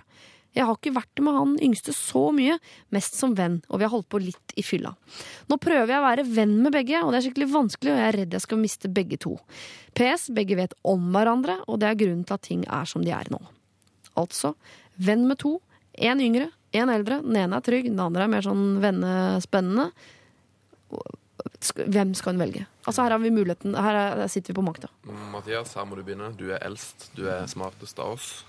Um, Dette, det her Da det er tenker du bortsett fra meg, ikke sant? Ja, jeg tenkte av panelet. Ja, ja. Mm. um, Du er smartest, ja. Ikke sant? Og eldst. Beklager det. hvor lenge har eh, Altså, det er et par ting, da. Se, han tar oppgaven alvorlig. Ja, Det er morsomt. Jeg tenker jo at eh, OK, OK, nå. Ja, nei, jeg tenker jo at, eh, at eh, de følelsene hun har for eh, han som er litt eldre, Ja. eh, er litt mer satt og litt mer etablert eh, følelser. Mens de følelsene hun eh, beskriver eh, overfor den yngre, er av den mer spontane, eh, lekende sorten. Ikke sant? Så da er spørsmålet hvor lenge vil det være sånn at han unge vil være denne fargeklatten, og han andre vil være dette trygge? Kan de rollene endre seg? Hvis ikke så mener jeg jo at det høres ut som hun har Altså hvis han på 22 da, for evig og alltid vil være et sånt fyrverkeri for henne, så er, høres jo han helt rå ut. Liksom, Ja. På en måte. Altså, da, da er jo det Men, men det er, ikke, ikke, vi snakket gjennom denne spontane forelskelsen, hvor lenge denne eh, bobla som man kan kalle det, vil vare. Eh, for, for det er ikke sikkert den vil vare for alltid. Kanskje er han på 22 egentlig ganske lik han på 28 eh, til slutt. da. De, er, de er ganske like, men akkurat nå så høres det ut som at hun vil, at hun trekkes mot, eh, mot eh, det unge, da. Men det er jo mest nytt og spennende også, fordi han eldre har hun vært nestenkjæreste med tidligere, så hun veit litt hvordan det skal bli. Ja. klart at Det som er ukjent, er jo mest spennende. Jeg tror, jeg tror jeg, Hvis du anbefalte Nei, jeg gjør, jeg gjør ikke det. Nei. Men eh, For det for, for, jeg, jeg, sier jo, for jeg sier jo her at jeg tror at det kan gå over. Jeg tror at denne unge, forlokkende Han unge fyren blir han gamle, vet du. Det er nettopp det! Og da er vi like langt, da. Man, Så, man, så premisset må være at han er sånn for alltid. Da er det jo liksom greit, men han, det kommer en hverdag. når, man, når man er i noe trygt og godt, eh, så er det jo alltid noe som er spennende på sida. Men så må man jo bare sørge for å ikke rote seg bort i det, for det er jo sånn det er å være i et forhold. Eh, og jeg tror vel kanskje det er det For når hun var nestenkjæreste med han, og så kom det en eller annen sånn spe, spennende spirrevipp som var yngre, så skjønner jeg jo at det er jo, det er jo lokkende. Det er alltid grønnere på andre sida osv. Men eh, hva er det man egentlig er hypp på i det lange løp? Det er jo noe trygt og godt og gode fedre og Ja, det må ikke være for Altså, Men det er trygt, godt, morsomt, spennende, altså. Perfekt. ja. Kan det bli bedre? Nei, nei det, da er det jo Ja, det er sant. Nei. Det, er, det er flere som, eh, som slår opp med, med kjæresten sin for en periode fordi de har blitt forelska i en annen som virker så spennende. Og så blir det aldri noe av. Og så er det flere av dem som Det er ikke alle som går tilbake til eksen igjen, men de slo opp for en eh, person som virka så himla bra, og så ble det bare en sånn kort greie, egentlig. Ja, så ble han bare en ny eks. Fordi eh, det ble kanskje et symbol da, på, på det frie livet som eh, man på en måte ga slipp på. Hva tenker du, Kanskje det er det en unge er? Jeg, jeg, egentlig, ja, jeg, jeg skjønner ikke helt hvor hun vil, for dette, hun virker jo som hun har to folk som hun liker veldig godt. Men så han, egentlig han som er mest sånn kjærestemateriale, han virker jo egentlig, det virker som det er han hun liker best. Mm. Men hun sier samtidig at hun, hun er egentlig ikke så gira, virker ikke som hun er veldig gira på et forhold. Nei, for han, med han unge så er det ikke så kjæresteaktig, og det liker hun. Så hun er kanskje litt redd for det der forpliktelsesgreiene som er med han eldre. For jeg tror hun er redd for hvis jeg blir sammen med han eldre nå. Da er, det- da er det låst med en gang. Det er trygge rammer, og det er barnevogn, og det er campingvogn, og det er liksom eh, alt med en gang. Mens han unge, da kan jeg fort, fortsette med litt sånn caffè latte-livet. I hvert fall et år til da, før den campingvogna kommer rullende inn på gårdsplassen. Hun er 26, hun kan, hun kan kose seg i mange år til. Hun altså, det trenger ikke å komme unge neste år, liksom. Hun kan uh, være ung og gæren i ti år, hun, liksom. Jeg har, går an, det. jeg har alltid sokna nedover når det kommer til uh, partner. Fordi jeg syns det er hyggelig å ha noen som er enda litt freskere enn meg eh, Ja. når det gjelder å være i et forhold. Så hvis han eldre begynner å bli dvask, eh, så syns jeg jo det kan være et argument for å tenke yngre, da.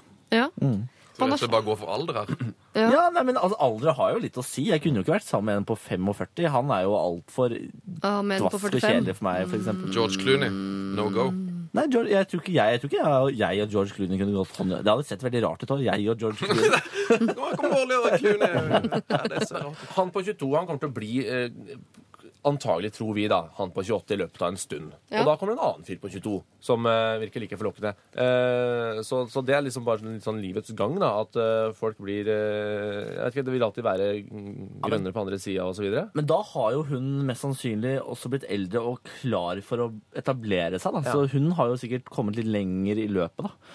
Eh, faren er jo at han, som da kommer etter og blir 26 og, og blir han mm.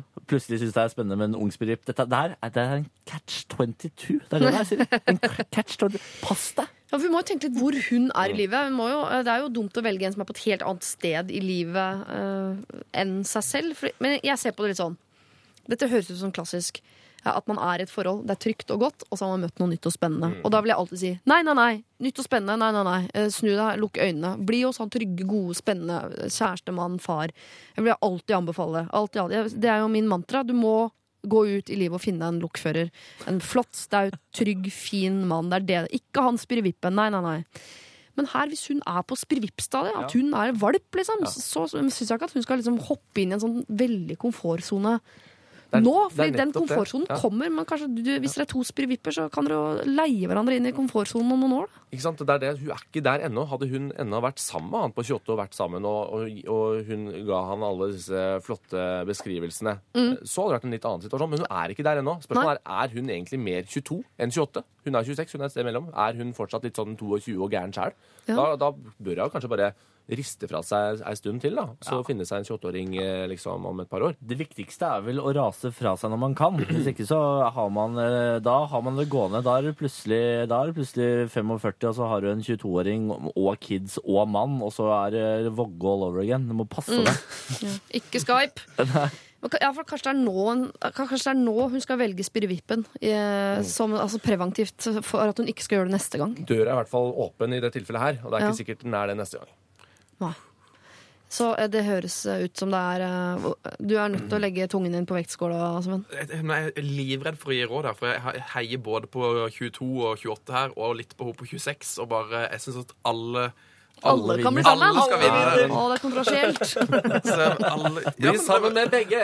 Hva heter han, Nei. eh, hva heter han, hva heter han konjakksbaronen som har to koner? Ja, men herregud, det går da an å, å leve Nei, det gjør det i en ikke. Jo, Nei, det gjør det ikke. det gjør ikke det. Hun kan ikke. Og herregud, hadde jeg vært en av de gutta der eh, og hatt sånne følelser for hun, og hun hadde vakla Det går jo ikke an, det i lengden. Det er jo et mareritt. Så hun må jo bestemme seg. Det kan godt hende at de to ikke syns det er, er hypp på en trekant, men det, jeg sier at det går an å ha et lykkelig trekantforhold. Hvis alle tre syns det er toppen av lykke, så herre go nuts. Nei. Liten brannfakkel. Hvis hun ikke klarer å velge mellom to, så kanskje ikke noen av dem er den riktige. Nei, Det er ikke sikkert noen av de her er det, skjønner du. For hun er ikke helt klar for å etablere seg ennå uansett. Nei. Eh, og og Så derfor så blir det sånn hipp som opp, da. Og hun, har ikke, et, hun, har ikke, hun er ikke fanga i et forhold med han eh, 28-åringen heller. Nei. Så hun kan bare Vet du hva. Eh, jeg er eh, såpass fri og frank jeg nå at eh, nå har ikke vi et forhold lenger. Nå skal jeg være litt sammen med han andre her. For Hvis hun hadde vært klar for noe trygt, godt, morsomt, spennende med en kjæreste, mann, far, Da hadde jo nummer 28 så står jo han foran der og Ja, ja, venter. ja, ja, ja. Men det er hun jo tydeligvis ikke. da Da er det mulig hun skal bare spirvippe seg gjennom helgene framover. Jeg Altså. foreslår eh, torsdag, fredag, 22-åringen, lørdag, søndag, gamlefar. Kos deg. Det er en veldig praktisk og fin eh, løsning. Og hvis de to partene er med på det, så, så prøv det ut. Eh, Da vil vi ha fortløpende oppdateringer på hvordan dette går. Det har jeg litt tro på. Jeg altså har veldig lite trua på det. Personlig ville jeg valgt trygt, godt, morsomt, spennende kjæreste, mann, far, men det er fordi jeg er en sånn type sjøl. Hvis du er en spirrevipp, ja, så få deg en spirrevipp, og så kan dere gå inn det trygge, gode, morsomme, spennende sammen på sikt. Tror jeg. altså. Sier. Det var lurt. P3 Lørdagsrådet på P3. Verdens rikeste land, dere har gjort en fortreffelig jobb som rådgivere i dag. Men før dere skal slippes ut i den deilige sommerdagen, så skal dere dele ut en T-skjorte. Eh, Det er siste oppgave som rådgiver i dag. Eh, Kandidatene er som følger. Vi har altså denne unge dansejenta som skal eh, ut i Hutti Heita med en eh, eldre, eh, eldre etablert skuespiller som er tydelig interessert i henne, og typen syns det er litt vanskelig. Vi har også denne kjærestegutten som har en dame med en, eh, en familie på Vestlandet som eh, er av annen politisk karakter enn han selv. De har et annet menneskesyn, og han lurer på om han eh, snart må liksom uh, ta det opp. Pappa setter ikke av nok tid til meg, sier en jente på 22 som savner samvær med sin far. Og så har du da dette evige sex og tynne vegger-problemet, eh, hvor eh, de allerede har nærmest fått en gagball i posten, og også muligheten til å få en T-skjorte. så har vi tiggeproblemet, som jo føltes veldig eh, relevant for oss alle, spesielt da dere tre som jo eh, ferdes i Trondheimsdistriktet, hvor det er ekstremt mye selgere og tiggere på dette stygge torvet der oppe. Eh, og til slutt her, eh, forelsket i dem begge. Forelsket i en på 22, forelsket i en på 28, er selv 26, klarer ikke å velge. Men vi valgte vel til en viss grad 22 her.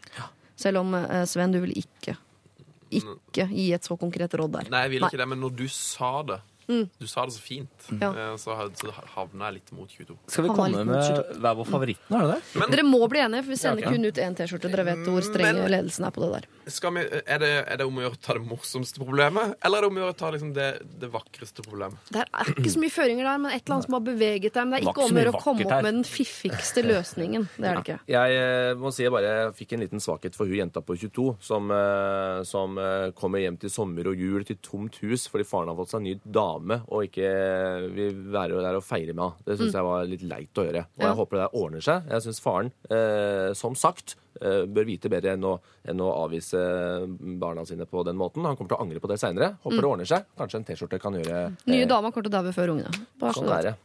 Jeg, jeg mener hun er 22, må faen meg ta seg sammen. Uh, Jeg tenker kanskje at eh, han som skal sende dama si ut i hytta ut i utroskapens eh, ukjente skoger, han trenger en koseklut mens dama er borte i noen uker og danser. Han fortjener en T-skjorte. Ja, den stakk. Den stakk i meg òg. Så lenge siden. Den var, i, var så tidlig i morges. Men eh, den, eh, jeg husker det eh, nå, når du sier at den gjorde litt vondt. Ja, den, den stakk i meg. Men jeg tror nok den som jeg på en måte hadde mest problemer med å gi råd på, det var jo den siste vi hadde nå. Ja, ut fra forelska i Eh, to. Hun som hadde to drømmemenn. eh, Ja, hun på- har allerede to drømmemenn, Det vi vet om hverandre. De er forresten, hun, hun har i pose og sekk, og så er det bare litt vanskelig å velge. Hun trenger ikke en T-skjorte oppå der. Jo, men kan, kanskje hvis hun får T-skjorte, så vil hun få- få sånn det vil jo bli et for, for hun må, vil da få et forklaringsproblem. Da må hun bli sammen på 22 for å holde seg innafor målgruppa til P3. Så gå rundt med den. ja, det, det. Vil denne, han som passerer Trondheim Torg, vil han kunne ha på seg den T-skjorten? Vil det kunne hjelpe han i å unngå selgere? Kan han bli oppfattet som en P3-selger? Eh, På den måten, på en måte. Kan den ha en sånn effekt? Jeg tror han eh, fremstår som en som elsker sånn merch og sånn, og Ja. det er jo livsfarlig. i Ja. Ja, nei, det, er, det vil være en sånn selgermagnet. Jeg ser du har P3-T-skjorte. Hva med Amnesty-T-skjorte? Det koster bare 3500. Nei, men Du skal være trøstekluten til han eh, mens dama er i skauen og blir flørta med av en sånn eh? Anker Han Hansen? veit, han vet at hun dama kommer til å bli lagt an på hver dag i flere uker i skogen av en eldre, vellykket, eh, dominerende mann. Jeg ser for meg Helge Jordal. Sorry, ass, men han driver jo ikke med spel. Han. Jeg ser for meg Toralf Maurstein. Eller Kim Haugen. Det er veldig gammelt, kanskje. Det er ikke, ja. Jeg vet ikke. La oss ikke gå dit, for dette vet vi ikke. Nei. Men dere må bli enige. Er, er dere i stand til å bli enige, sånn uh, Eh, erfaringsmessig? Vi nærmer oss vel noe her. Jeg, jeg syns ikke at han tiggerfyren Altså, ålreit problem, Mm. men uh, det er ikke T-skjortekvalitet på problemet. Nei. Uh, jeg syns òg danse Han som må sende den flotte danserkjæresten sin med den, den litt usympatiske, Mm. mektige skuespillerfyren, han eh, han, han, han fortjener litt ekstra nå, ja. nå, som, nå som høsten kommer. ikke sant? Skal også inn litt ros for formuleringsevnen. Jeg syns han skrev et eh, flott brev. Og Ja. har veldig sånn eh, systematisk i hode. Er imponert over alle som sender inn problemstillinger. De, er- dere er så flinke til å sette ord på ting. Eh, Jeg hadde vært sånn har det litt kjipt om dagen, vet ikke helt hvorfor. Kanskje det bare Det er dagsformen. Eh, Hilsen. Ja. Men her er det sånn folk er så flinke. Så der skal vi gi til han eh, med danseren. Ja! All right. Tusen takk for i dag, eh, kjære eh, rådgivere. Og eh, lykke til på jobb på mandag, da, gutter. Takk for det. Mandag klokka tre. Hør på. Oi, reklame. Takk for at du kom av, Siri. Bare hyggelig. Lørdagsrådet på P3. Fouls, hva har det der? Og deres My eh, Number. Lørdagsrådet er over, men du kan eh, laste ned vår podkast, selvfølgelig. Eh, Det er helt eh, gratis å høre det hele om igjen. Gratis er det også å gå inn og se på bildet av dagens eh, rådgivere, som var verdens rikeste land, gutta. Som jo ligger da selvfølgelig, som det alltid gjør, på vår eh, Facebook-side. Du, eh, Ikke glem at vi har et liveshow 20. august på Chateau Neuf, hvor du selvfølgelig kan være med som eh, gjest. Vær vår gjest! Som jeg pleier å synge, da. Vi avslutter opp mot nyhetene med St. Lucia og deres eh, Elevate, og så får du Radioresepsjonen på andre sida. Og det gjenstår bare for meg å si takk til dagens produsent og tekniker. Evig Dr. Jones. Evig! og neste uke kommer selvfølgelig Das, Sigrid Bonde Tusviken, Christian Borch kommer, og søte, søte Line Verndal. Så bli med oss, da. P3 Dette er Lørdagsrådet på P3. P3. Hør flere podkaster på nrk.no podkast.